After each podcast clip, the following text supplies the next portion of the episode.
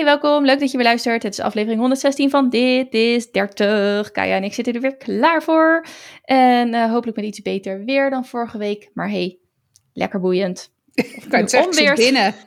of het nu onweert of gewoon uh, uh, 80 graden is. We kunnen opnemen. Ik zit hier zelfs met een kaarsje aan, want het wordt echt al een beetje... Ja, het wordt weer een beetje donker, hè? Donker, ja. Bij ons heb je dan zo de tuin... Wij hebben een tuin op het oosten. Dus hoe lager de zon zakt, hoe verder de schaduw zeg maar de tuin inkomt. Maar die schaduw die blijft de hele dag ongeveer op hetzelfde plekje. Um, Oké, okay, dit is natuurlijk onzin. Oh, whatever. Hij komt steeds verder de tuin in. Goed verhaal dus, dit, jongens. Zeker. Dus hij zit nu alweer richting de, zeg maar, richting de schutting aan het gaan. En dat is best, ja, vooral op zo'n lekkere zonnige dag als deze, denk ik wel, oh ja. Maar ik vind de herfst wel, wel weer goed. Ik hou wel van seizoenen. Ik ook. Ik ook. Ik denk dat ik, je hebt, hè, zeg maar, in, bijvoorbeeld heb ik altijd Californië in mijn hoofd, want Hollywood, hè, dat is dan ja. wat je ziet in films, dat het daar dan al, een soort van altijd tussen de, weet ik veel, 25 of 20 en 30, 35 graden is, weet je, het hele ja. jaar door. Dat lijkt me, dat lijkt me echt, echt heel saai. Zeker als je, zeg maar, gewend bent, opgegroeid bent met het fenomeen seizoenen. Ja. Lijkt het me heel vlak, zeg maar, om dan, nou ja, kerst ook in je bikini te vieren, ieder jaar. Zeg ja, maar. nou, ja, precies ieder jaar. Het lijkt me leuk om dat een keer te doen. Ja, oh, maar, zeker. Ja, maar niet forever. Nee. Nee, dus ik hang ook wel een soort van, weet je, het is, het is ook een soort van gesegmenteerd of zo. Weet je, herfst is de aanloop naar Sinterklaas. En dan ga je, hm. zeg maar, vanaf Sinterklaas rol je zo die hele decembermaand in met allerlei ook wel moedjes en hè. Ja, maar, maar wel altijd wel... heel gezellig en lichtjes en samen familie. En dan in januari stort dan iedereen's wereld altijd helemaal in. Volgens mij hebben we het daar eerder over gehad, over de, de hè, Blue Monday en January en zo. Maar, en dat ik blij ben dat ik dus een, verja een kindverjaardag heb in januari, om de boel nog een beetje op te leuken. Maar goed, dus ik hang ook wel een soort van alles altijd op in mijn hoofd, merk ik, aan seizoenen. En daar wordt dan ook een bepaald gevoel bij of zo. Ja, Net zoals jij met je kaarsje, weet je wel. Dat ik denk, oh ja. Ja, ja, en het is het herfstgevoel, dat vind ik wel fijn. En ik vind het ook wel leuk, de donkere maanden. Hier in het huis is het sowieso rete donker altijd. Wel donker huis als het um, niet zomaar is. Maar it's fine. Het is ook wel knus en gezellig. En yes, prima. Ik vind het ook wel weer leuk om mensen in een spijkerbroek te zien. Ja, in plaats van altijd maar het even. Ja, klopt. Ja.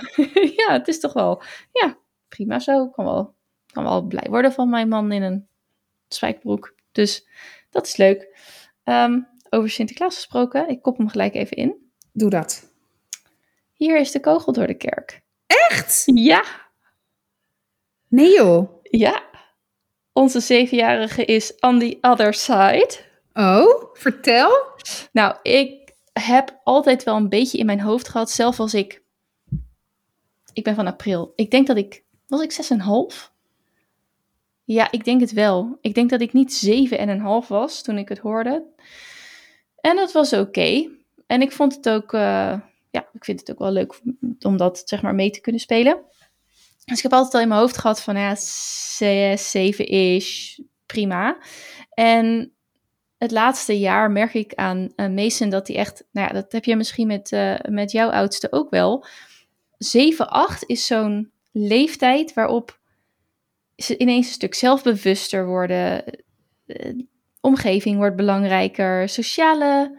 Het is niet altijd positief, hè, maar sociale invloeden worden belangrijker. Zeker. hun, hun authentieke kern ja, mag wat minder naar buiten komen van ze. En, uh, maar het heeft ook, dus, dus dat is dan, je verliest het echte, echte kind een beetje. Wat mij best wel, uh, ver, nou ja, niet verdriet, maar een beetje melancholisch kan maken. Maar het is ook een leeftijd waarop ze tot een bepaalde bewustzijnsniveau komen. En dit soort dingen, zie, dit zie ik dus wel, dit heb ik zien gebeuren de afgelopen maanden bij Mason. Dus ik dacht wel, ja, je bent er wel, je bent er ook wel klaar voor. Nou, ik heb dus gezegd, um, ik wil je wat vertellen. Het gaat over Sinterklaas. Nou, hij keek me echt aan van, oh mijn god, wat gaat er nu gebeuren? Ik zeg, Sinterklaas is niet echt. En hij had echt zoiets van, oh, wat? Hè? Ik zeg, ja, want weet je wat het is? En deze vond ik wel mooi, hè? Deze twist. eigenlijk zijn we allemaal een beetje Sinterklaas. Dus hè, wij doen dit allemaal, de grote kinderen, de grote mensen doen dit allemaal voor de kleine kinderen. Om het gewoon een geweldige periode eh, te maken. Nou, dat, daar kon hij zoveel, maar hij is helemaal... Nou, het was echt het goede moment. Hij zit er helemaal in, hij, is, hij, hij, eh, hij nam het meteen aan. Hij zag meteen ook het, het fascinerende eraan. En eh, hij komt nu wel elke dag naar beneden. Dit is al, dit is al de tweede dag dat ik het weet. maar dit is al de derde dag dat ik het weet. En hij gaat ook helemaal nu een beetje aangedikt, dat wel. Maar hij gaat mee, want Louis is dus al aan het aftellen. Eigenlijk is hij al twee weken aan het aftellen. Dus ja, dat is nog een lange zit al. Ja, vanaf het moment dat de pepernoten zeg maar ook in de schappen lagen om en nabij. Ja. het is eh, eh, nog 60 nachtjes voordat hij aankomt. Dus Nou, eh, ja, want het was afgelopen zaterdag eh, negen weken. Oh ja. Ja, dus nou, zo kan je dat een beetje meetellen. You're welcome. Ehm, nee, dus hij, hij is er helemaal eh, ook in meegegaan. Ik heb hem wel heel erg nadrukkelijk, want hij is een van de oudsten van de klas, ook heel erg nadrukkelijk meegegeven eh, dat zeker niet eh, alle kinderen in de klas, dat hij het er niet over, nou ja, dat hij daar rekening mee moet houden. Ik wil hem wel, zeg maar, zodanig volwassen behandelen dat ik nou, vertrouwen in heb dat hij snapt wat er wel en niet kan. Vanmiddag hoorde ik hem ook met vriendje wat aan het spelen was. Gewoon twee dingen zeggen over Sinterklaas. En dat was niet, eh, daar gaf hij geen enkele hint van, ik zal even proberen of jij het wel weet of niet, weet je wel. Het was gewoon echt Ja. oké, dus ik was wel trots op hem. Maar ik heb hem ook meegegeven, want volgens mij is bij jou iedereen nog in de believing eh, stand. Ja, ja, nou, ik heb, ik heb, en ik moet eigenlijk ook een beetje uitkijken hoe ik het nu ga brengen. Want, Precies, hè, want je hebt nog oortjes. eh, Ik heb eh, oortjes, ja. Maar er is wel nog. Ik denk wel dat ehm, mijn oudste hier en daar wat kritische vragen heeft over het hele fenomeen. Mhm. Die heeft hij ook wel eens gesteld. Die heb ik tot nu toe aardig kunnen dodgen. Maar ik had wel dit jaar zoiets. Hij zit natuurlijk in groep 5 en het is een groep 5, 6 gemengd. Mm, ja, Dus ik had wel nu dat ik denk, ja, ik denk dat ik. Want ik wil wel degene zijn die het nieuws brengt. Ja. Ik wil niet dat hij het hoort van iemand anders. Dus ik moet het nog met eh, de redactie hier bespreken. Maar ik denk wel dat dit het jaar wordt van. En ergens dat, dat melancholische, dat herken ik wel. Want ik was, nou, met al mijn bedweterigheid heel laat. Ik was negen volgens mij. Uit mijn hoofd. Maar goed, mam, want je luistert ook, correct me if I'm wrong. Maar ik, ben, ik heb volgens mij heel laat nog hè, in de prachtige fantasie gezeten. Want het is magisch. En ik kan me wel nog herinneren dat ik ook als kind, en misschien kwam dat wel ook omdat ik wat ouder was, dat ik ook wel een beetje dat sprookje, uit, het gevoel had dat het sprookje een beetje uiteenspatte, zeg maar. Ja, en daar was ik dus best ook een beetje bang voor. Want je weet het niet van tevoren, van hoe valt dit? Ja, Ehm, maar gelukkig was in dit geval, draaide hij het ook gelijk. Het eerste, een van de eerste dingen die hij vroeg was ook... Ja, maar, ja, want Sinterklaas heeft ook altijd een ander gezicht op de tv Ja. of ergens anders. Dus, nou ja, toen had ik helemaal zoiets van... Het is echt helemaal oké. Maar ook om de reden die jij net zegt, van ik wil degene zijn die... Ja. Nou ja, wij of ik. Het kwam zo uit dat ik alleen was met hem. Degene zijn die de boodschap brengt. Dus ja, maar ja, dus jij had wel last van, of jij weet nog wel dat de, de laatste Ik heb- glitter in het leven je ontnomen werd. zeker. Ik had echt, eh, dat was wel zeg maar een Disney momentje, of een anti-Disney momentje, hoe zeg je dat? Ja, dat, dat het uiteenspatte, die, ja, dat sprookje, want dat is het Ja. natuurlijk. Ja, Dus, ehm, dus ja, maar goed, ik had ook wel dit jaar. eh, hij wordt natuurlijk 9 in januari. ja. Dat ik denk ja. En ik ben ook wel heel benieuwd hoe hij daar dan mee omgaat richting de jongste. Want Ja. hij vindt het soms toch wel moeilijk om geheimpjes te bewaren. Dus nou ja, we gaan, het, we gaan het zien. Maar ik denk wel, ik zal je niet van heads up geven als het zover is. Want ik kan me ook zo voorstellen dat als die twee dan samen zijn, dat ze dan samen kunnen dit ja. prachtige geheim hè, kunnen ontrafelen. Met Ja. Steve het erover kunnen hebben. Ik Nu zie het al helemaal voor me. Kom, we gaan naar onze kamer, weet je wel. En dan, oh, heb jij dat ook gehoord? Ja! Weet je wel, oh, Ja, ik kan het precies. helemaal voor me. Nou, dus dat komt, nou, dat komt helemaal goed. Ehm, ja, dus dit, eh, even het licht aandoen. Oh, ja. Dus die is, ehm, dat is geweest. Ja, En eh, om maar lekker een brug eh, te vormen naar helemaal niks. Eh, ik, ben, ik heb zo'n vrouwelijke energie in mijn laatste tijd. Zie je dat ik een wing heb? Oh ja. Ja. Nou, het is echt, het, het is echt gillen. Want ik ehm, doe dus altijd... Oké, ik kom er gewoon voor uit. Wat ik dus doe, met mijn standaard make-up look, is dat ik een donkerbruine oogschaduw heb. Mhm. Dan heb ik zo'n kwastje dat heel dun is. Oh, dat heb Die- ik ook, ja. Ja, die maak ik eh, nat. Dan doe ik in die oogschaduw en dat doe ik boven mijn, ja, hoe heet dat? Oh, ik boven maak je hem niet nat. Boven je wi- wimperlijn, ja. Ja, dus, dus dan zeg maar, ja. ja, A strakker en donkerder. En dat is, eh, dus dat vind ik prima. Maar ik had nu, ehm, weet ik het, ik, of ik was te ver gegaan, of ik zat er een stipje neergezet. Denk, oh, nou lijkt het wel zo'n zo'n wing. Nou, dat heb ik echt 37 nog nooit gedaan. Echt nog nooit. Nou, nee, dat is niet helemaal waar. Ik heb misschien eens een oog geprobeerd met zo'n lullig stiftje van de Primark. En toen werd ik daar zo diep ongelukkig van. nooit meer heb geprobeerd. Want man, dit is echt kunst. Wat sommige mensen Ja. kunnen. Ja. Eh, dus nou ja, met dit eh, ehm, kwastje is het dus enigszins gelukt. Ik was heel benieuwd hoe het zou houden, want het is tenslotte gewoon oogschaduw. Maar het is nog wel aardig Ja. gebleven. Dus eh wauw. Ja, ik heb zo'n stift, eh, of zo'n, ja, ook zo'n stift soort van gevraagd. Nou, vorig jaar voor eh 5 Ja. december. En die heb ik toen met kerst bij jullie opgehaald. En het viel jullie ook allebei meteen op van, oh. Kijk, en Ja. ik, ik draag echt werkelijk waar inderdaad nooit make-up. Ik, ja, mascara, verder dan dat kom ik echt niet. Ja, en één keer, we zijn toen vier jaar geleden naar die 90s party gegaan Ik met kerst. Toen heb ik make-up gekocht. Dat is ongeveer nog steeds de enige make-up die ik bezit. Dus, hè, om even de context te... Dus ik heb inderdaad ook zo'n... eh, Zo'n stift eh, gekocht, zeg maar, om die. Maar dat is een partij gepiel, jongen. Om dat Ja, links en rechts dan ook nog enigszins te laten smoelen. En ik, want ik vond het er wel echt leuk uitzien. Ja, ten eerste heb ik nu al inmiddels drie maanden geen spiegel meer in mijn badkamer. Dus, hè? dus dan zit ik beneden te klooien. Maar ik heb beneden heb ik van die hexagon spiegel, plakspiegeltjes die ooit van de Ikea waren. Maar dat, daar zit een soort van ja, sepia-achtig kleurtje Ja, overheen. bruinige. Dus, ja, dus dat is ook niet echt dat je zegt, goh, ik heb hier eigenlijk gewoon zo'n, nou ja, bejaarde magnifier mirror voor nodig om dat echt goed te doen. Maar goed, ik heb nog steeds stille hopen als mijn spiegel hangt in de badkamer, dat ik het dan misschien nog een keertje, nog een keertje doe. Maar het kost me gewoon te veel tijd en ik blijf gewoon liever een kwartier langer in mijn nest Ja. liggen, dan dat ik 's ochtends een wing teken. Maar goed, aan de andere kant, ik merk wel, want wat ik dus wel heb gedaan eigenlijk de afgelopen nou, ik denk om en nabij wel sinds wij die podcast hebben opgenomen over die vrouwelijkheid. En dat jij dat toen ook benoemde. Hè? Het, het ook gewoon voor je uiterlijke zelf zorgen. En dat kan een sieraad zijn, een make-upje.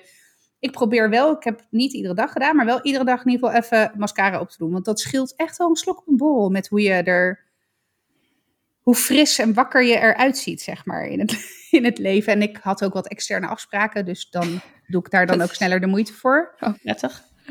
Eh, ja, dat. Maar ehm, dat wel iedere keer dat ik denk, oh ja. En ik, ik moet ook heel eerlijk bekennen, ik voel me daar dan ook inderdaad toch een soort van lekkerder bij of zo. Of wat, wat meer zelfverzekerd. En dan denk ik, ja, wat een beetje freaking mascara kan doen. Want verder doe ik nog steeds niks met make-up. Ga ik ook niet doen. Ik heb ook weer lippenstift geprobeerd. Ja, weet je, het, ik weet niet. Het voelt voor mij gewoon nog zo onnatuurlijk. En iedereen zegt, oh ja, leuk en dit en dat. En ik denk alleen maar, wie, wie is dat? Die zeg maar zo... Zit iets op mijn gezicht geplakt. ja. ja. Ja, nou ja, ik vind het nog lastig, want ehm, ik, de, vroeger, toen ik 15, 16 was en zo, onzeker, bla bla, dus dan doe je het om, om je onzekerheid te verbergen. Ik heb het nooit, sommige meisjes en vrouwen, nee niet alleen meisjes natuurlijk, sommige mensen, ehm, kinderen en mensen vinden het gewoon onwijs leuk ook om mee te experimenteren. Ik vond het Zeker. prima, ik vond het niet heel leuk, weet je wel? Nee, ik heb het ook nooit leuk gevonden. Nee, nee, ik vond het ook niet erg, maar ik kon er niet zo heel veel mee. Het was gewoon prima en ik wilde er vooral niet heel veel geld aan uitgeven, dus oké.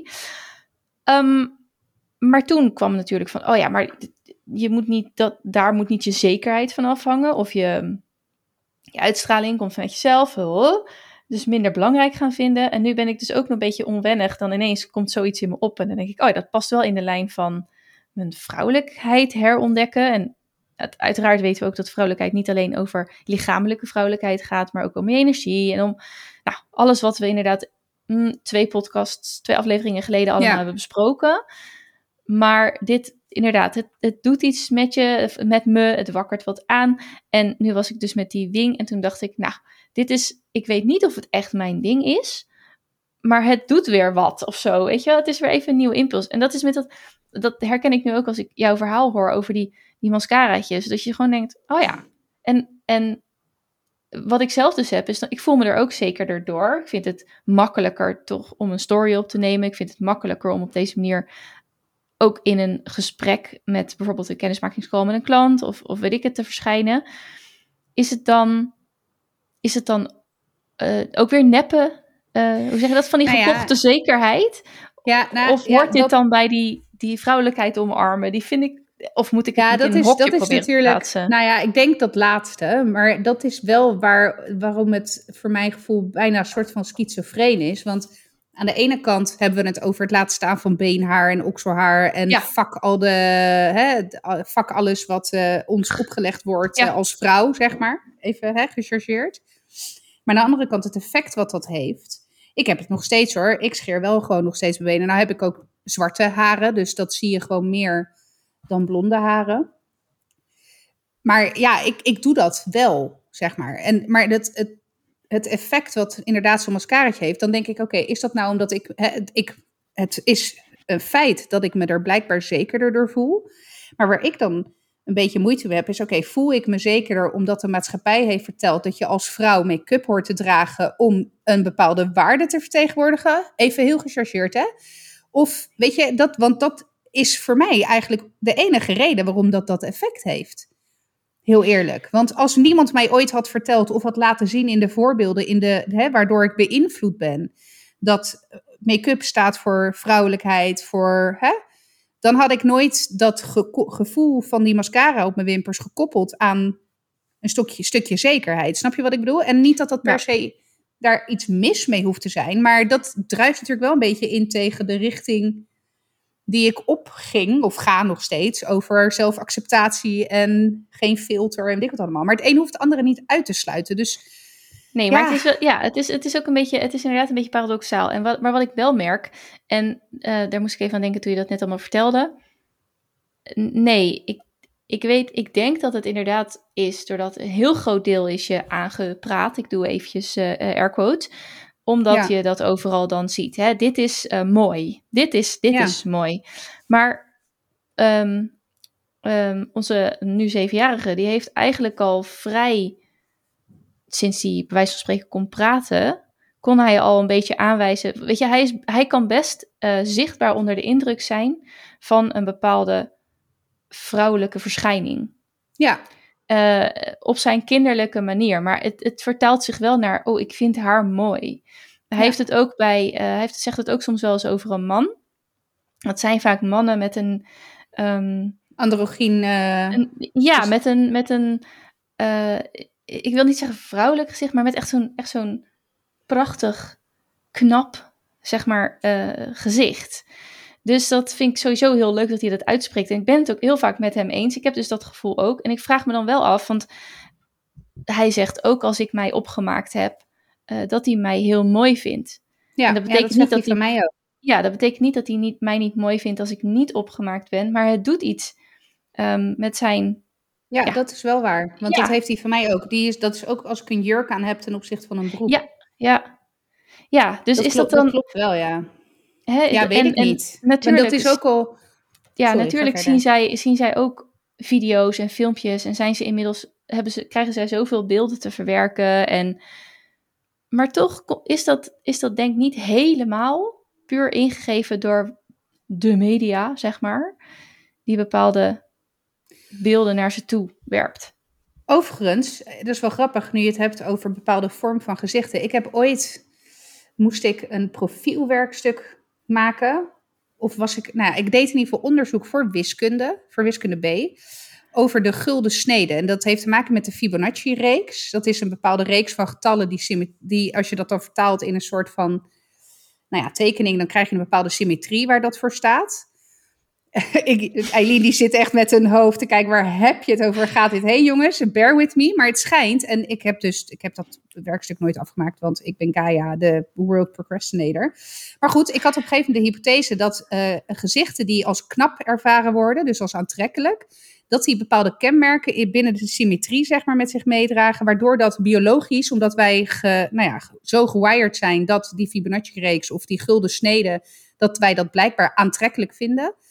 Uh, en dat dat dus terug te vinden is in bepaalde, bepaalde gezichtsvormen. En de grap, en ik praat echt over 15, nou, langer geleden, nog misschien wel 20 jaar geleden. Nou, nou ja, anyway, echt lang geleden. Dus voor Instagram, Facebook en dan die andere zooi. De grap is, je hebt nu een heleboel van die gezichtsfilters op Instagram, die daar ook mee spelen, die met die symmetrie spelen, waardoor je dus aantrekkelijker lijkt, omdat je dus binnen die bepaalde gulden snede valt qua gezicht. Dat is echt super interessant. Ja, dus zeg maar als je die gulden snede of die Fibonacci getallen reeks, ja. reeks, ja, dank je, op bijvoorbeeld het hoofd van Brad Pitt zou leggen, dan, is dat, uh, dan komt dat meer overeen dan als je hem op het hoofd van een random guy op de straat uh, zou leggen.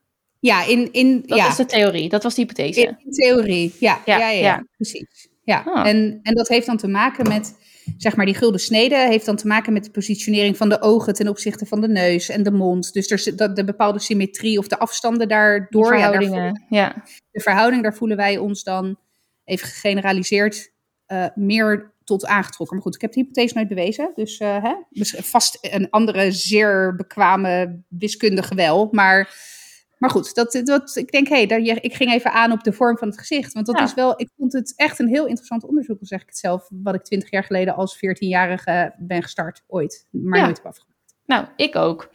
En um, goed dat je het bent gestart.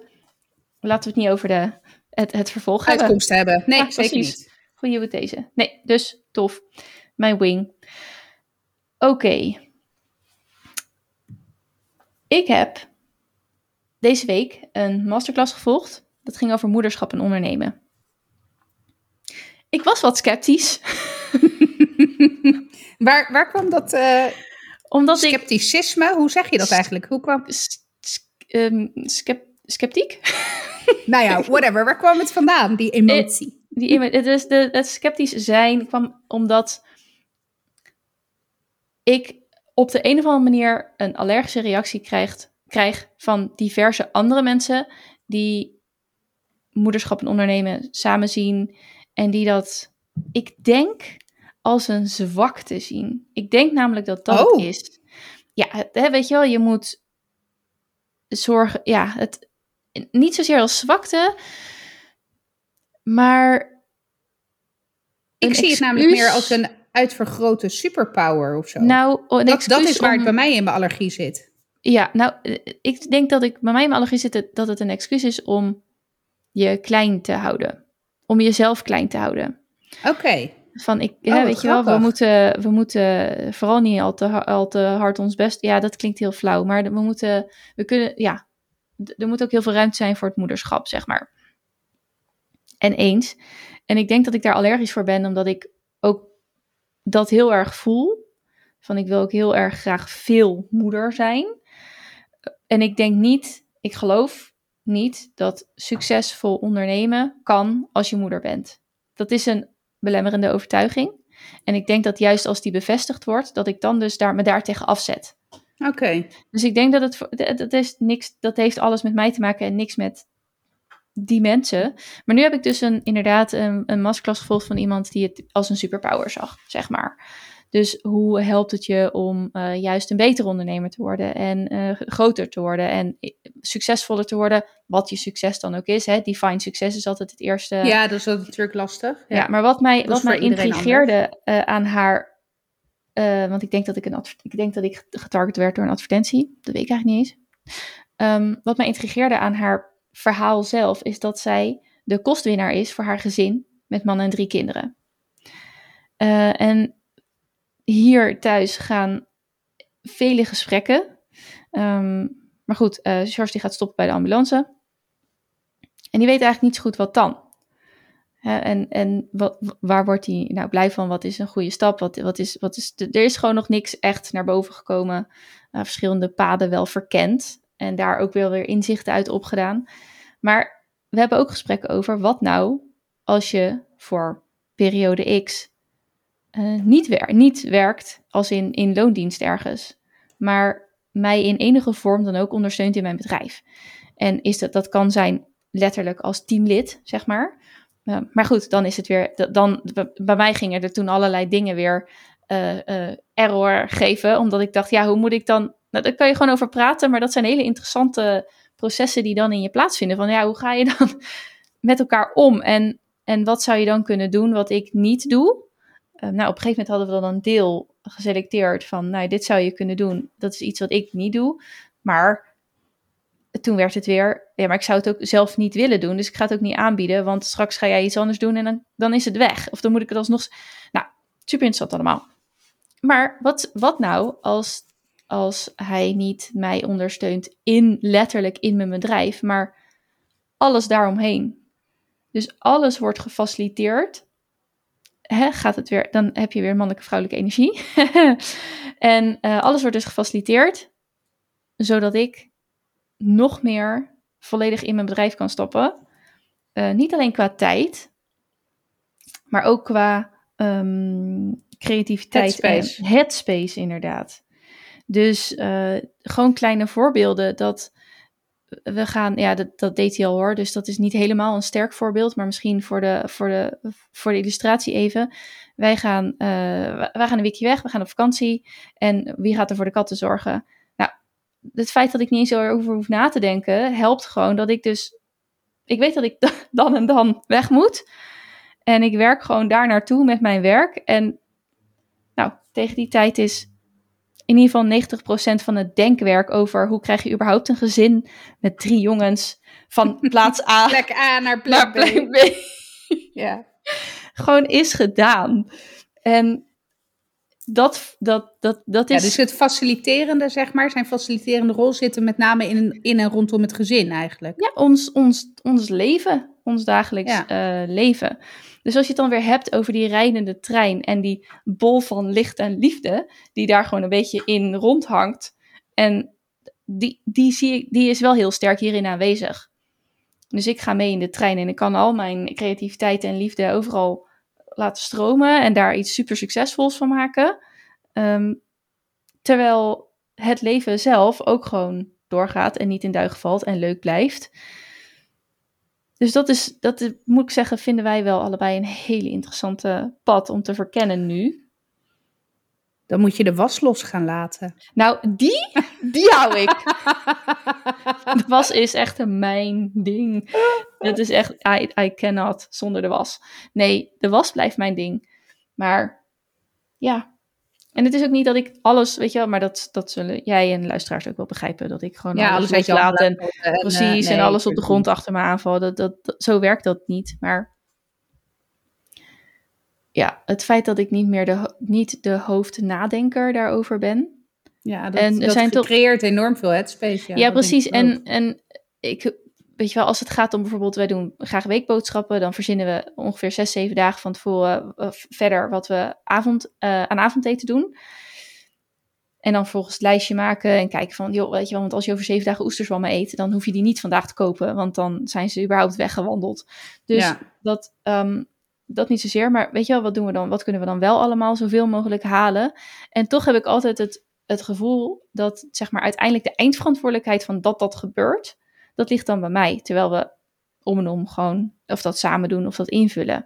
En dat je net even dat soort dingen kan overschakelen naar een ander, dan kan ik me gewoon laten leiden. En dan kan hij gewoon zeggen bijvoorbeeld, hey, ik heb geen inspiratie, wil jij de weekmenu bedenken? Oké, prima, weet je wel, dat. Ja. Maar goed, dus het hele solo providen, zoals ze dat noemt, voor het gezin. Want ik vind het wel een mooier woord dan kostwinnaar. Maar ik vind het namelijk providen meer dan alleen het geld binnenbrengen. Want hij is net zo'n een huis, om het dan maar even zo te zeggen, een huisman of huisvrouw is net zo goed provider voor het gezin. ja, zeker. Ehm, dus bij gebrek aan beter woord. Ehm, Thuisblijf moeder en thuisblijf vader heet dat dan tegenwoordig. oh ja, dat dan. maar ik vind hem meer dan vader. Zeker. Thuis blijft man met kinderen. Home Nee, maar- manager. Ja, ja, oh ja, ja. Homemaker. Ehm, maar het hele solo providen voor het gezin als je eh, de moeder bent, Ja. dat, dat doet zij dus ook. En dat trok mij dus heel erg aan in die masterclass. En ik moet zeggen dat als ik dan de reacties van de anderen in de chat las, die zijn meer bezig met eh, ik, wil- ik, ik werk zoveel en ik wil meer tijd met mijn kinderen. Eh, en mijn vraag was net even wat anders. Van, ik heb eigenlijk best dat met mijn kinderen heb ik best goed onder controle. Alleen, ik zou juist die solo provider willen worden voor het hele gezin, zodat we dit kunnen gaan uitvoeren. Maar goed, ehm, haar programma dat, dat, dat start binnenkort. En eh, sowieso heb ik nu echt geen ruimte voor die investering. Die wil ik ook echt niet maken, want ik wil investeren in andere dingen, namelijk in systemen en automatiseren. En, maar ook qua mind. Dus eh, ik kan me voorstellen dat ik best nog een keer in haar programma stap, maar ergens volgend jaar, als daar, eh, daar meer ruimte voor is. Hoewel dat hele solo providen nu belangrijk is. Dus het, is, het heeft me wel wakker gemaakt. En nou ja, om nog even daarover verder te gaan, in die masterclass deed ze, ik werd weer in zo'n meditatie getrigged. We gaan even mediteren om even goed te landen, zodat je de masterclass goed kan meemaken. En dan moet je zo'n innerlijke reis doen. Nou, super interessant natuurlijk, want ook daar zit een weerstand die ik eh, vast mag oplossen. Maar wat ik daarin interessant vond, is dat zij op een gegeven moment had over ehm, de vrouwenlijn. Dus inderdaad je moeder en je oma en je overgrootoma en al die vrouwen daarvoor. Waar ik twee realisaties uit haalde. En dat was dat, en dat, dit is een realisatie die niet per se alleen hoeft te gelden voor als je de steun of de kracht van een vrouw achter je wilt zetten. Uh, maar ook gewoon überhaupt om een manier om naar mensen te kijken. Ze zei, zet niet, zeg maar, zet, je moeder achter je, maar niet, maar niet je moeder in haar aardse vorm, om het maar zo even te zeggen, maar haar essentie, haar ziel. En ook je oma en je, je overgrootoma. Het maakt niet uit of je ze gekend hebt, maar hè, kijk naar van, hè, zonder alle lagen, uh, wat de essentie is van iemand. En dat is misschien een lastig concept om te snappen en dat, dat had ik ook niet per se heel duidelijk. Maar het was wel een soort van opluchting. En zo het feit dat je ook zo naar een ander kan kijken van hey, jij doet dit of jij vindt dat of jij schreeuwt dat of jij bent zo of wat ben jij wat bekrompen of, of maar als je nou naar iemand kan kijken zonder al dat al die ruis en alles wat iemand overkomen is en alles wat iemand voor keuzes maakt die jij niet zal maken, maar gewoon letterlijk nou, iemands essentie, dan denk je toch, oh, nou, dat, dat is gewoon oké. En dat is prima. En dan hoef ik verder ook niet naar al, al die reis van jou te luisteren. Hè, of nou je moeder is of, of iemand of een collega of wat dan ook. Maar dat vond ik een interessante manier om naar mensen te kijken. Een tweede realisatie was dat de vrouwenlijn in mijn geval bij mij eindigt. Ja, inderdaad. Ja, bij mij ook. Ja. Nou, dat heb ik niet echt een oordeel op of een mening over, maar het was ineens, oh ja, nou, dit is het. Dan. Ja, ja, als je alleen kijkt van vrouw op vrouw, dan is dit het, ja. Ja. Ja, was voor mij niet een reden om nog te twijfelen aan het feit dat ik geen derde kind uh, wil, maar ja. Ja, nou, inderdaad. Ja. En dan weet ik dat uh, uh, bij jou stopt er ook allerlei familienamen, geloof ik. En ja. weet ik het allemaal. Dus is Ja, er wel meer waar jij, zeg maar, uiteindelijk het, hè, het afvoerputje van. Ja, hoewel daar nog steeds het laatste woord niet over gezegd is. Maar goed. Nee hoor, nee. Maar um, nee, vond ik twee interessante inzichten. En ik dacht, die deel ik hier eventjes voor jou, luisteraar, misschien ook ja, waardevol. Om zo naar mensen te kijken of om je te beseffen dat de vrouwenlijn uh, ofwel bij jou eindigt of wel doorgaat. Ja, dat is natuurlijk ook een beetje, een beetje inherent aan een, een, een bepaalde mindset. En glas half vol in plaats van half leeg. Of hè, de goede kanten ja. benoemen en zien uh, bij mensen. En daar dus ook op te focussen, want alles wat je aandacht geeft groeit. Dat is een beetje een sidestep, maar zeker als je het hebt over bijvoorbeeld samenwerking in teams of collega's. Dat kan, laat ik het zo zeggen, ik denk dat deze zin nog wel eens in mijn hoofd gaat nadreunen. Van oké, okay, wat is de essentie van deze persoon? Okay. Misschien is het dan nog steeds heel moeilijk om überhaupt de zin van het bestaan van deze persoon te... Oh. Ja, ik heb herkennen. niet eens nu een particular iemand voor mijn neus hoor. Maar ik heb talloze voorbeelden waarvan ik dacht, hè, ik, ik, wil jou wel ergens een high five met een stoel in je gezicht geven op dit moment. Precies. Niet, ja, zowel werk als privé. Maar um, ja. Maar ik, ik, het triggert mij vooral wel die, die, die moederlijke energie of die, uh, die vrouwelijke energie, zeg maar, die over generaties heen Ik denk dat dat ook wel, weet je, ik denk ook echt dat, dat zie je helaas nog te weinig. Ik stuurde jou een paar weken geleden, dat was ehm, een bericht die, eh, eh, die ik had gezien, of een story die ik had gezien op Instagram. Over eh, vrouwen die andere vrouwen, hoe zeg je dat? Ehm, Naar beneden halen? Cheeren, zeg maar. Nou, oh, nee, meer gewoon. Um, ja, ondertussen probeer ik nu even snel die. Ja, maar je kan geen twee dingen tegelijk. Dus nee, dat is dus nee. onmogelijk. Precies. Maar ik kan hem ook niet meer terugvinden. Anyway, uh, de essentie van het verhaal was dat je. Ehm, dat het normaal moet zijn om als vrouwen onderling elkaar te gunnen, zeg maar. Dus het, het positieve te. En, en ik had jou gelijk erin gelijk, want ik denk dat wij een vriendschap hebben waarin dat echt, echt heel erg zo is. Ik sta echt, nou, met dezelfde tranen in mijn ogen te juichen als jij een klant binnenhaalt. Of als ik zie wat je, wat je Ehm, bereikt, zeg maar. Of wat, heb je, wat je al hebt bereikt in die luttele acht en een halve maand. Dat je nu uh, echt helemaal je eigen broek omhoog houdt. En ook de onzekerheden die je daarvoor hebt over moeten overwinnen. En weet je, de struggles die je daar ook mee hebt gehad. Maar dat is zo krachtig. Het is zo krachtig om een vrouw ook in jouw hoek te hebben. Dus ik, daar, daar ga ik vooral op aan, op die vrouwelijke energie van we've got your back, weet je wel. Dus het idee van de essentie van de vrouw, your vrouwelijke ancestors. En dat hoeven ook helemaal niet, denk ik, hoe ik hem dan interpreteer, inderdaad blood-related te zijn, weet je wel. Maar gewoon die vrouwelijke, die vrouwelijke energie in je hoek van we've got you in plaats van... Nou ja, wat je ook heel vaak ziet, en dat zie je denk ik wel vooral ook in de corporate wereld, of in ieder geval in de, in de hele competitieve wereld dat vrouwen um, nou ja, het elkaar af en toe het licht in de ogen niet gunnen. Omdat het een hele competitieve markt is. En omdat wij denk ik al twee keer zo hard moeten vechten voor dezelfde rechten als onze mannelijke collega. Dus weet je, uh, het is heel prettig en heel krachtig als dat niet hoeft. En als je dus als vrouwen elkaar steunt daarin. Ja, ja. Ik denk dat het ook, ik kan het niet helemaal goed uitleggen. Ik denk dat het ook iets te maken heeft met je, eh, niet je karakter, maar de, de, toch iets vrouwelijks wat heeft dat je moet strijden voor de beste kansen of zo. En dat je dan ja. toch daarin denkt dat. Dus het is een vorm van tekortdenken. Ja, ja, ja. Dus op het moment dat vanuit, zij... vanuit schaarste in plaats van vanuit overvloed denken. Ja, ja, dus op het moment dat zij iets heeft, is het niet meer beschikbaar voor mij. Uh, dat, dat kan zo zijn letterlijk van een partner, want die is dan van de markt. Dus ja, misschien dat, dat zeg maar tot op de oerdriftkern da daarop terugvoert. Ja. Maar nee, het, maar wat je zegt is helemaal waar. Het is, het, is ontzettend, het is ontzettend krachtig om dat te hebben. En om het geeft ook, als, het, eh, als we het hebben over de headspace en de rust die dat geeft, is dit ook een, een ontzettende vorm van rust uh, die het geeft als je weet dat er, ja, you, you, uh, you can stand on someone's shoulders, zeg maar. Ja. Ja. Dus uh, dank daarvoor, sowieso. Maar uh, dat, dat is ook heel, heel erg krachtig, ja hey, jij uh, hebt uh, drie dagen. Nee, je hebt. Oké, ik ga even proberen jouw week te omschrijven. Je hebt eerst drie dagen training gegeven in uh, Verwegistan. En daarna ben je drie dagen, geloof ik, alleen met de kinderen Twee. geweest. Ja, Letterlijk een soort van overlap.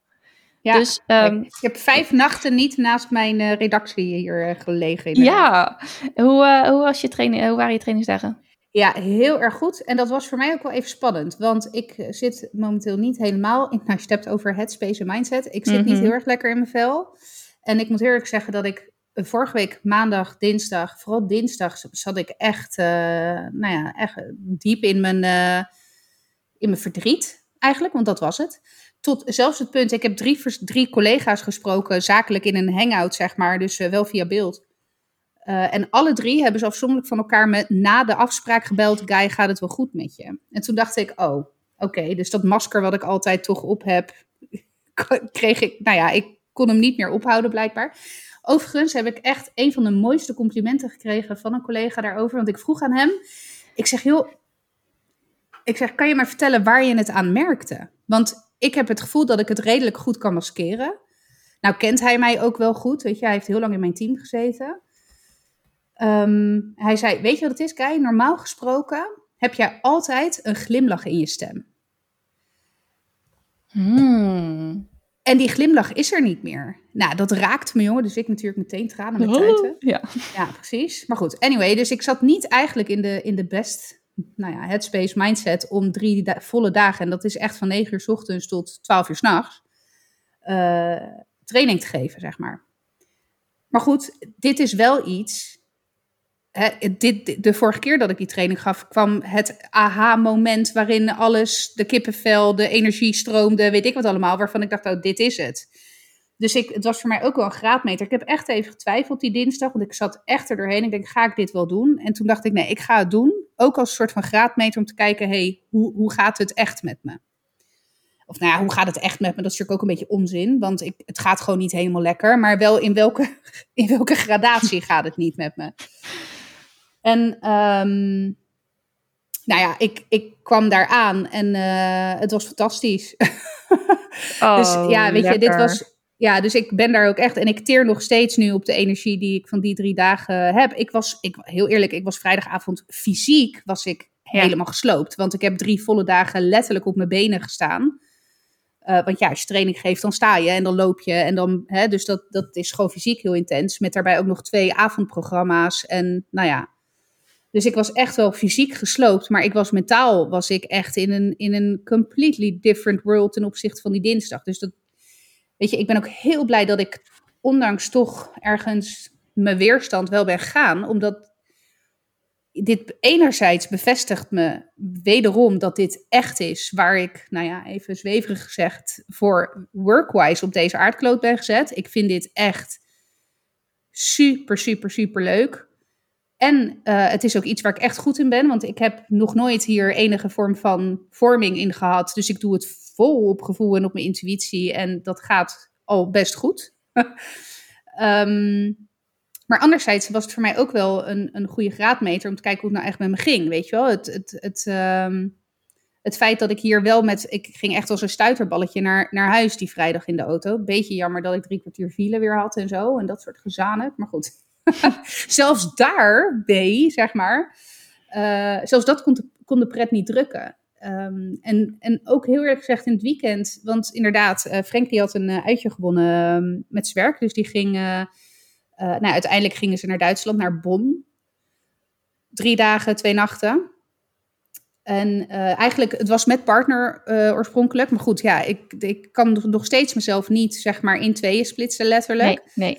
Dus ik kon niet en training geven en mee naar Bonn en ook nog, nou ja, iets voor de kinderen regelen. Want dat, dat kon dit weekend ook niet. We hadden geen oppas. Dus uiteindelijk is hij alleen gegaan. Maar goed, daardoor wist ik ook dat ik na drie hele intense dagen, ook twee volle dagen inderdaad, er tussen haakjes alleen voor stond met, met eh, de jongens. Maar ook dat ging eigenlijk prima. Kijk, we hebben echt niet heel veel spannends gedaan. Weet je, we zijn gewoon een beetje thuis gebleven, koekjes gebakken, weet je wel, dat soort, eh, eh, dat soort onzin. Nou, trouwens niet onzin, maar hè, ik, ik ben niet met ze, zeg maar, eh 30 kilometer eh, door het eh, bos gaan wandelen. En ik denk, hè, doe dat maar even niet. Maar dat ging ook eigenlijk heel goed. En ja, dat is normaal gesproken iets waar ik ook wel tegenop zie. Hè? Die, die, Zo'n heel weekend alleen met kids. Dat is best, nou ja, als je het niet gewend bent. Want er zijn natuurlijk talloze alleenstaande ouders die dat, die- waarvoor dat gewoon altijd de realiteit is. Ja, nou ja, ik, voor mij gelukkig niet. Nee, Dus ja, maar dat, eh, dat neemt niet af van de intensiteit van zo'n weekend, inderdaad. Ja, Ja. Nou, en morgen en overmorgen mag ik weer. Maar dan krijg ik training. Dus dan ga ik voor het eerst aan mijn trainersvaardigheden eh, werken. Ja, Nice. superleuk. ja. Ja. Maar als dit, ik vraag me dan af, want je zit er echt even niet lekker in, zeg Nee. maar. En dat komt denk ik ook omdat je geen element hebt in je leven waar je echt goed kan opladen. Mhm. En dit is dat wel. Ja, Dit is een, een stukje van je werk waar je wel ontzettend van, van oplaadt. Dus dan is gelijk die verhouding tussen dit is ruk en dit is su- super fijn, zeg maar, die Ja. is gewoon verbeterd. Ja. Waardoor je de, de, de andere dingen ook beter aan kan, denk ik. ja, Dus die- ja nou, ik, heb wel, ik heb wel vrijdagmiddag een gesprek gehad met mijn leidinggevende. Oh, omdat ja. ik die dienst, ik, weet je, dat, dat riep ik al een paar weken, of tenminste, ik merkte al een paar weken dat het niet echt lekker ging. Ik heb het er ook met je over gehad. Dus ik heb wel dat gesprek ook ingepland. Ik heb vrijdagmiddag een gesprek met hem erover gehad. En nou ja, was echt, ik krijg wat dat betreft alle ruimte die ik nodig heb. Alleen, dat is ook wel lastig, want ik, weet, ik vind, ben nu heel erg zoekende in wat ik dan nodig heb aan Nou ja, ruimte wil je, binnen mijn werk. ja, welke space wil je nemen? Ja. Nou, en welke space heb ik nodig? Dus, en daar sprak ik dan eh, vanmiddag mijn, eh, ik noem haar altijd Basi. Dat is mijn eh, eerste leidinggevende. was ook mijn co-trainer de afgelopen drie dagen. Of tenminste, mijn, de, ja, mijn trainingsmaatje. Dus ik sprak haar vanmiddag daar, daarover. En zei ze, joh, ehm, eigenlijk zou je moeten kijken naar wat je nu allemaal doet op je werk. Waar je dus even los van niet zozeer taakgericht of behoeftegericht, maar meer van met als enige nou ja, eis, zeg maar, van ik krijg er energie van in plaats van dat het me energie kost. En kijken dan van die taken wat daarvan overblijft. En in hoeverre kan je de slurpers voor, voorlopig geven, of in ieder geval de komende periode, even wegzetten bij andere mensen. Ja. En daar dus de hulp bij vragen bij je leidinggevende. Dus ik had zoiets van, ja, dat vind ik wel, zo had ik hem nog niet bekeken. Dus ik ga, uh, ja, donderdag dan, want morgen en overmorgen ben ik dus weer uh, onder de pannen. Leerling. Ja, dan uh, ga ik de, de Eisenhower matrix die ik aan mijn trainees uitleg over werkdrukbeleving, ga ik eens even voor mezelf maken. Alleen dan in plaats van urgentie en belangrijkheid ga ik het plotten op uh, uh, energie, uh, zeg maar energieniveau. Dus dat ja. was ook wel, nou, misschien een tip voor de luisteraars als jullie ook zoiets hebben van, hey, nou, ik zit er even niet lekker in. Of ik merk dat, dat er ook een grote discrepantie is in mijn werkzaamheden. Als je het hebt over, kijk, geen enkele baan is 100% leuk, hè? laten we wel zijn. Nee, tuurlijk niet. Nee, maar... Maar de balans tussen energieslurpers en energievreters moet goed zijn. En en dat, dat kan ook veranderen. Ja. Gaandeweg. Of dat kan ook door andere in, invloeden in je leven, kan dat, uh, ja, kan dat tijdelijk of voor altijd shiften. Dus nou ja, een heel verhaal over met, hoe het was met mijn training. Maar goed, bij deze, luisteraars. Ja, nou ik ben benieuwd wat eruit komt. Maar jij gaat mij wel nog een revolutionaire manier vertellen om tijd te besparen. Nee, niet tijd, energie. Oh, oh, oh. wauw. Ja, nee, tijd, nee, tijd bespaar je. Dat is nou net het enige wat je er niet mee bespaart. maar goed, nee, luister. Nou, en ik, ik, dit is echt zeker uit mijn mond. Als geboren en, nou, weliswaar niet getogen, maar toch wel really proud Italian. Met hele, hele, hele fanatieke ideeën rondom pasta. Is dit wel echt vrij revolutionair. Ik, en eigenlijk is het al een paar jaar geleden begonnen. En uh, ik heb jou wel eens. Uh, volgens mij het recept gegeven voor mijn uh, aardappels. Ja. Die met uh, baking soda erin, waardoor ze een, net een andere structuur en een andere smaak krijgen. Ja. Nou, dat is, denkt, waar gaat dit heen? Er zit dus een hele gedachte achter. Ik heb dat recept van een chemicus, een Italiaanse chemicus, gejat, zeg maar. En die, dat is ook wel tof, want hij legt dus ook bij dat soort, nou ja, foefjes uit wat nou gewoon, nou sec de science daarachter is. Wat gebeurt er? Ja, Wat gebeurt er? Ja, fascinerend. Nou, inderdaad. Nou, en hij heeft al een, een paar jaar geleden, heeft hij een aantal YouTube-video's heeft hij uh, geplaatst over, en nu komt het, het koken van pasta met het gas uit. Ha. Oké. Dus dit is dus niet, weet je, en uh, dit is iets wat de laatste dagen ineens een enorme pick-up heeft gehad in Italië. Sterker nog, zelfs in Nederland hebben ze erover geschreven. Uh, over dit fenomeen. Het is een fenomeen wat overigens al 200 jaar oud is. Dus het is echt niet dat hier het wiel, op, wiel opnieuw wordt, uh, wordt uitgevonden. maar de, de Nobelprijswinnaar Giorgio Parisi, dat is een Italiaanse fysicus, die kwam hier nu mee naar buiten. Um, en dat is, nou ja, dat heeft heel Italië, zeg maar, en misschien ook wel de hele wereld op zijn kop gezet. Want hoe kan je godsnaam pasta koken zonder dat je het vuur aanhoudt onder de pan? En het antwoord daarop is eigenlijk heel simpel. Want, oké, okay, op, op hoeveel graden kookt water? 100. Op 100 graden. Ja, dat is alleen zo op zeeniveau. Zo? Op zeeniveau? Ja, op zeeniveau wij... kookt water op 100 graden. Oké, okay, wij zitten 4 meter ja, zeeniveau. Dat zal ook nog steeds 100 graden zijn. Oké, okay, okay. Alleen als je de bergen gaat, echt hoogtebergen, op 2 kilometer hoogte zeg maar, dus van die leuke bergdorpjes ja. in de sneeuw, daar kookt water al zo rond de 394 graden Celsius. Wat? Ja.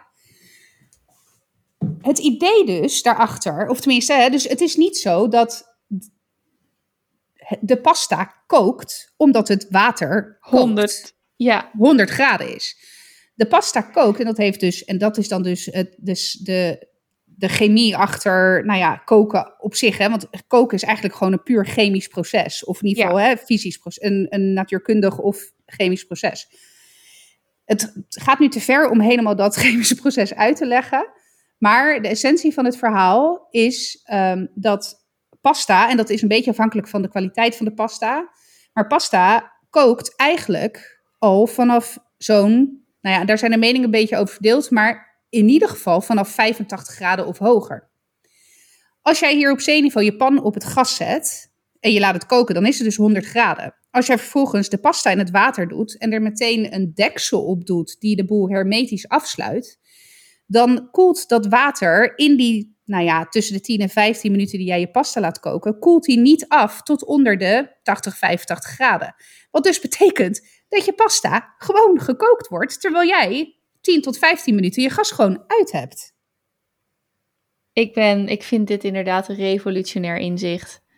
Maar ook zo simpel, want waarom zou alles 100 graden nodig hebben om gaar te worden? Nee, dat heeft het dus. Ja, kijk, en er zitten wel een paar mitsen en maren bij. De ene, de ene grote daarvan is eh, de kwaliteit van de pasta. Want je ziet eh, soms bij bepaalde pasta-soorten, als je die in het water flikkert en het water wordt heel wit meteen, dat is over het algemeen wat minder kwaliteit pasta. Er zit heel veel.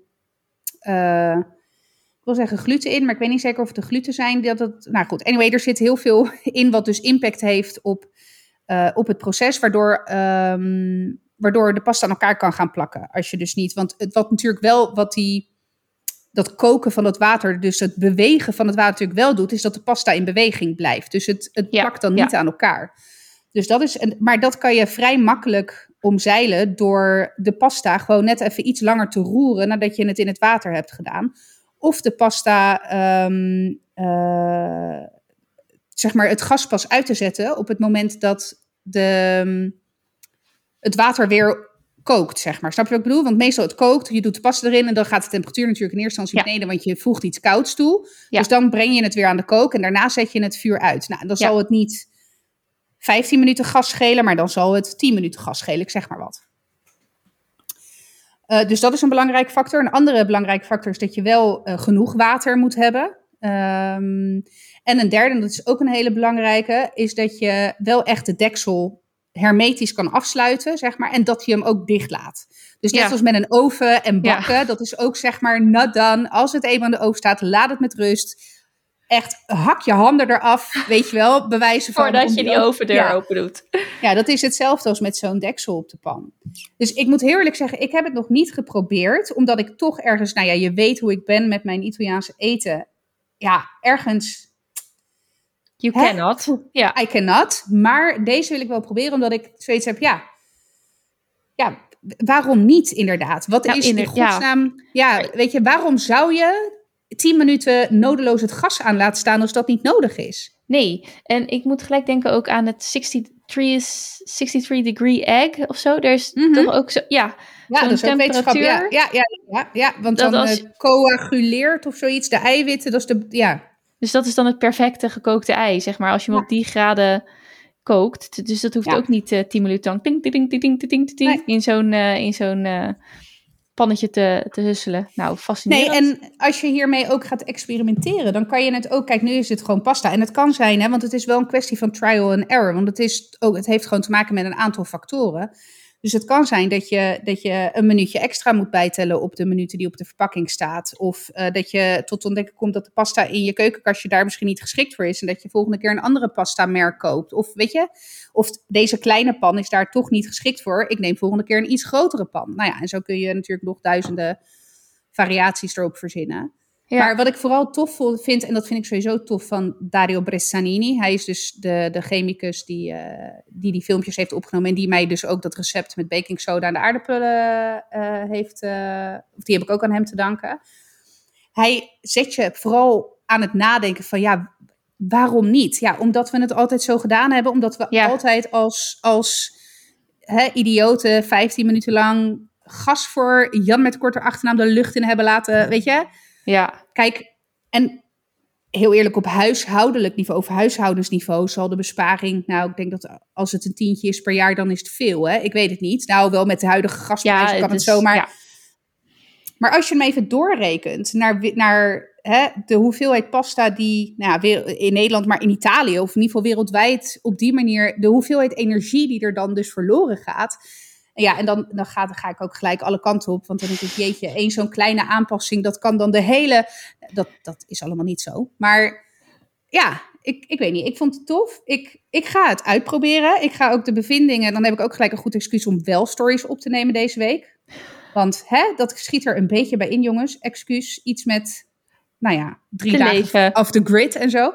Maar eh, ja, ik ga het proberen. Want ik ben wel, het heeft me wel ge- genoeg geïntrigeerd deze keer om te denken, ja, hier, ehm, Hier gaan we wat hier wil ik wat mee. Ja. Ja. cool. Nou, ik ben, eh, excuus, ik ben gefascineerd. Ik ben heel benieuwd wat het, eh, maar het, het, lijkt- het is, lijkt gewoon waterdicht. het gaat Ja. gewoon lukken. ja. Ik heb nog twee dingen die ik nog even wil delen. Dat is dat ik me heb aangemeld voor het schoolreisje als Oh. begeleider. Hulde. Dank je. Hij wilde het graag. En ik dacht Maar is dat nu oh. al schoolreisje? Ja, ze, ja, over twee weken. Oh jeetje, bij ons is dat volgens mij pas einde jaar. Nee joh, nu schoolreisje, eh, de schoolfotograaf, alles, hartstikke idee. Oké. Achter elkaar. Ja, dus ik, eh, en aangezien ik in de MR zit, heb Oh ja. ik de, de, de, is dat een privilege? Ik denk het wel, blijkbaar de privilege dat ik me als eerste mag aanmelden als hulpouder voor het schoolreisje. Dus ik, je kan, je kan zeg maar nog denken, joh, ik meld me aan. Misschien loten ze me uit, want het schijnt super populair te zijn om mee te gaan met het schoolreisje. I- ja, ik snap er echt geen zak van, maar dat schijnt toch... Nou, ik vind het hartstikke leuk dat er mensen zijn die het wel super fijn vinden, super leuk. Ik ben er gewoon bang voor. Pure angst is wat je in mijn ogen ziet. maar ehm, ik, heb dus, eh, ik, ik ga dus sowieso mee, want ik heb die plus. Dus ja, dat ga ik doen. Nu heb ik een tip gekregen van eh, een van mijn oude podcast Summer Schoolers, Marleen. Die is ook trainer op scholen. Informatief leren. En die zei, weet je wat? Je hebt een groepje, daar verzin je een coole naam mee. Dus bijvoorbeeld, je gaat naar Drievliet, die noem je de Drievliet Toppers. En iedereen heeft een nummer, 1, 2, 3, 4, 5. Dus af en toe gil je gewoon heel hard, Drievliet Toppers! En dan moeten ze allemaal 1, 2, 3, 4, 5 gillen. En dan weet je in ieder geval dat ze er Ze nog zijn er. Ja. Dan kan jij dus chillen. Nou, vond ik hartstikke leuk. Wij gaan naar Linnaeushof. Dat lijkt me niet een Oh, hele dat is leuk. goeie- Eh, dit bekt niet heel lekker. Ja, nou, Nee. ik realiseer me dus ook vanmiddag dat ik dus in de bus daarheen moet. Eh, ja. Ja, dus eh, het is leuk. Hillegom uit mijn Ja. hoofd zit dat, toch? Eh, ja. Benne- Bennebroek, toch? Oh, Bennebroek. Ja, weet ik het. Daar, in ieder geval daar ergens. Het is in ieder geval iets wat ik uit mijn, mijn jeugd... Ja, ja, maar wij zijn er vorig jaar nog geweest. Wij Ken. zijn er vorig jaar nog geweest met, met de jongens. Ja, Ja, het is nou, echt een hele leuk speeltuin. Echt wel een hele leuk speeltuin. nou, ik ben benieuwd. Ik ga er mezelf daarop voorbereiden. Ik heb nog een week of twee. Ik kan dit. Eh, nog iets wat ik wilde delen is, ik moet even spieken. Ik heb geluncht met je zusje. Ja, Het ja toen ik eh, heel erg hard aan het zwoegen was voor eh, mijn trainees. Want dag drie is altijd hard werken, zeg maar, voor de trainer. Na twee nachten doorhalen van de trainees. Maar ja. Ja. zat jij lekker te lunchen met mijn zusje, ja. Ja, ja, nou is jouw zusje dus inderdaad elf jaar jonger dan jij. Ehm, maar het was, ik vond het fascinerend. Ik ken jouw zusje natuurlijk langer dan vandaag. Ehm, maar goed, ik heb niet dagelijks contact met jouw zusje. En ik, heb haar, ik eh, had haar meegenomen, of ik had haar uitgenodigd voor lunch, omdat ik haar wilde bedanken, omdat ze mij eh, eh, eigenlijk aan een klant heeft geholpen zelfs. Ze heeft mij een lied gegeven en dat, die, is, die is klant geworden. Dus dat is hartstikke tof. En ehm wou ik graag voor bedanken. Maar ja, het is toch alsof je met een elf jaar jongere versie van Gaia zit te praten. Oh, echt? Voor mij, voor mij was dat heel. Jullie zijn echt wel. Jullie zijn andere mensen. Maar kijk. En kijk, luisteraar, dit is ook. eh, ik heb natuurlijk dit met Gaia al heel lang. En dat is heel intensief eigenlijk. En daardoor ben je zo gewend en je hebt zo'n goede vibe met elkaar. Een soort energetisch contact, laat ik het zo zeggen. En praat je op een bepaalde manier tegen iemand, je weet ook hoe je dat terugkrijgt. Alleen je weet niet wat de inhoud is, maar je weet hoe je dat terugkrijgt. En dan zit je ineens tegenover een ander iemand die soort of dezelfde trekken heeft, een stuk jonger is, maar geen zwarte krullen, maar lang blond haar heeft, stijl. Het is gewoon, en dan voel je diezelfde. Ja, want wij lijken fysiek helemaal niet op elkaar. Nou, dat is, dat is op je eerste blik niet zo, maar jullie gezicht is, ja, ik wil niet zeggen één, maar bepaalde uitdrukkingen dan of zo. Gewoon, de ik weet het niet. Maar anyway, dus dat is heel, was heel wonderlijk voor mij om mee te maken. Ook heel erg leuk. En ik heb dat niet teruggegeven nog aan, uh, aan je zusje, aan Sanne. Maar bij deze. Uh, ik, ik ben er nog steeds op aan het kouwen. Want het was heel, heel bijzonder. Juist omdat ik de enige ben die dit op deze manier kan ervaren. Ja. Ja. Uh, nou ja, goed. En weet je, niet dat ik me zorgen maakte over het voortgaan van het gesprek. Maar het was toch voor mij wel bizar om te merken dat we daar eh, op een gegeven moment was het ineens tijd, moesten we echt hollen, bij wijze van spreken, naar de auto om die kinderen op tijd te halen. Ik wilde eigenlijk de auto thuis brengen met de fiets om, om de jongens te halen. Had ik echt geen tijd voor. Ik was eh, één minuut over drie op het schoolplein. De tijd vloog en we hadden nog de hele middag door kunnen kletsen. Ja, was, leuk. Uh, heel cool, heel leuk, heel, um, ja, heel, heel leuk om mee te maken. En ik heb haar ook uh, zeker bedankt voor haar tijd en wijsheid. Want uh, het klinkt echt als oma vertelt vanuit een 37-jarige persoon, maar deze 23-jarige uh, vrouw is zeer wijs, wat mij betreft. Dus ja, nou, ik word er helemaal emotioneel van. Oh. oh. Ja, ja. Ja, was, super tof. Ja, ik had, ik had Sanne er natuurlijk over gesproken, want zij was vrijdag aan het oppassen bij mij. Ja. tenminste, zat de jongens vrijdagochtend naar school gebracht en ze was er s'avonds nog, we hebben samen gegeten. Het, zij, had, zij zei ook van ja, het is natuurlijk heel gek ergens. Want ik ken Eileen natuurlijk wel van, ik, ja, van verjaardagen en inderdaad de podcast. Maar dat is natuurlijk dan toch, ondanks dat het heel intiem is, is dat wel eenrichtingsverkeer. Het is die parasociale. Ja. ja, precies. Dus ze zei ja, weet je, ik vond het heel bijzonder om één op één met, uh, met ei. Ja, met ei. uh, met ei uh, op te, of door te brengen. En dus ze zei het ook, de tijd vloog echt voorbij. Ja. Dus nou, superleuk. Ja. Ja, dus dat, um, dat was cool. Ja. Oké, hoe ziet je week eruit? Nou, morgen en overmorgen dus word ik getraind als trainer. Dat vind ik echt heel erg tof. Het is ook wel gelijk, uh, ja, je zit ineens aan de andere kant. Weet je ja. wel, ik moet bijvoorbeeld ook in de voorbereidende opdracht... Ik moet een object meenemen wat mij beschrijft. En dan vervolgens ook de vertaling leggen aan wat dat voor mij betekent in mijn trainerschap. Dus ik heb wel gekozen voor Lego. Want ik denk dat dat en iets over mij zegt, maar ook wat ik heel goed kan verweven in, nou ja, ieder stukje. Je, kan een, hè, je, kan, je bent afhankelijk van de randvoorwaarden om te bepalen wat de uitkomst wordt van het nou ja, object. Of hè, je hebt de keuze om het boekje helemaal te volgen. Nou, dan weet je zeker wat de uitkomst is, maar nou ja, er kan een stukje missen of nou, whatever. Dus ik denk dat ik op die manier dan, die dan al wel, ge, nou ja, maar ja, dat is dan toch, en ik moet een stukje training gaan geven samen met een, een trainingsmaatje die ik nog die ook niet ken. Weet je, die is ook van een ander onderdeel van, uh, uh, van de Randstadgroep, hè, waar ik onderdeel van uitmaak. Dus uh, het is ook wel weer gelijk out of my comfortzone. Um, omdat ik dan, nou ja, toch niet de trainer ben, maar de trainee. Dus, maar ja, dat is ook wel goed om dat dan weer vanaf de andere kant te ervaren. Omdat je je dan ook weer goed kan verplaatsen in de, ja, in de emoties en de gevoelens die die mijn, uh, de mensen die ik train, zeg maar, uh, hebben. Dus daar kijk ik heel, heel, heel erg naar uit.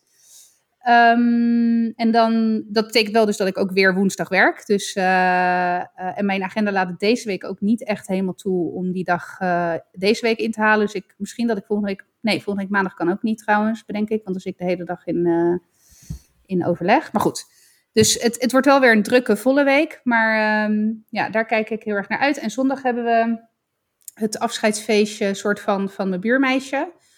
Die, uh, gaat, uh, die toogt voor de tweede keer naar Afrika. En deze keer, uh, zij studeert verloskunde. en zij gaat daar in een vrouwenkliniek werken. Um, God, ik ben nu even het land, het Afrikaanse land kwijt. Maar waar in ieder geval vrouwenbesnijdenis nog aan de orde van de dag is. Wow. Dus ze gaat daar... Um, nou ja, een stukje preventie of in ieder geval informatieverstrekking. Dus echt wel heel beladen. Dus zij vertrekt geloof dinsdag. En ze heeft dan nu nog uh, zondag soort van haar uh, afzwaaien momentje. En uh, nou ja, dat, dat meisje, ze is inmiddels ook al 24, maar dat meisje ken ik al vanaf, nou, dat ik 17, 18 ben. nou, tel maar uit, ja, weet ik veel. Hoe lang is dat geleden? 15 jaar geleden. Dus nou, vanaf Uh, dat ja. zij heel klein is in ieder geval. Dus ehm, ja, leuk. Dus daar kijk ik ook wel naar uit. En jij? Ja. Nou, ik heb vooral eh, zeer weinig afspraken in mijn agenda staan. Dus ik heb eindelijk tijd om adem te halen. Ik heb tijd om gewoon lekker volle bak eh, in mijn eh, nerdy ehm, MacBook houding te editen, te editen, te editen en gewoon te maken. En daar heb ik ook super veel zin in. Ik ga nog steeds deze podcast niet editen, maar alle andere dingen die ik krijg aangeleverd van mijn geweldige klanten. Ik heb feedback gekregen van mijn deelnemers aan mijn opleiding. Eh, die vragen ook om extra content. Dus nou, Oh, leuk. hè, helemaal lekker joh. Dus dat is, eh, dat is heel prettig. Het enige wat we niet hebben besproken is de Queen, die niet meer onder Nee. ons is. Dus, Ja, maar ja, dat, daar Ja. hebben andere mensen het al over. Dus precies. En weet je, ja, laten we het daar maar bij houden. precies. Want daar kan ik een uur over voor, vol lullen. Maar goed. Nou, dan, Misschien eh, volgende we- week. Dan kunnen we bespreken wat we van de uitvaart vonden. Oh ja, wanneer is die? gaan we Eh, opzoeken. maandag, nee, maandag 19 september volgens mij. Oké, nou, dan eh, kunnen we dat, eh, als ik daar eh, naar ga kijken, dan kunnen, we daar wat van vinden. Oké, lieve luisteraar, bedankt voor het luisteren weer naar de aflevering 116 van Dit is 30. Wij waarderen dat enorm. Volg je ons nog niet op Instagram? Doe dat dan even op Dit is 30 podcast. We zien jullie daar heel graag in onze DM's. En ehm, eh, daar kun je, als het goed is, de komende week wat stories verwachten. In ieder geval kijken hoe, hoe mijn pasta kookt. Ja, precies. Nou, hartstikke goede content weer. Zeer waardevol. Bedankt voor het luisteren en tot de volgende keer. Doei doeg! Doei.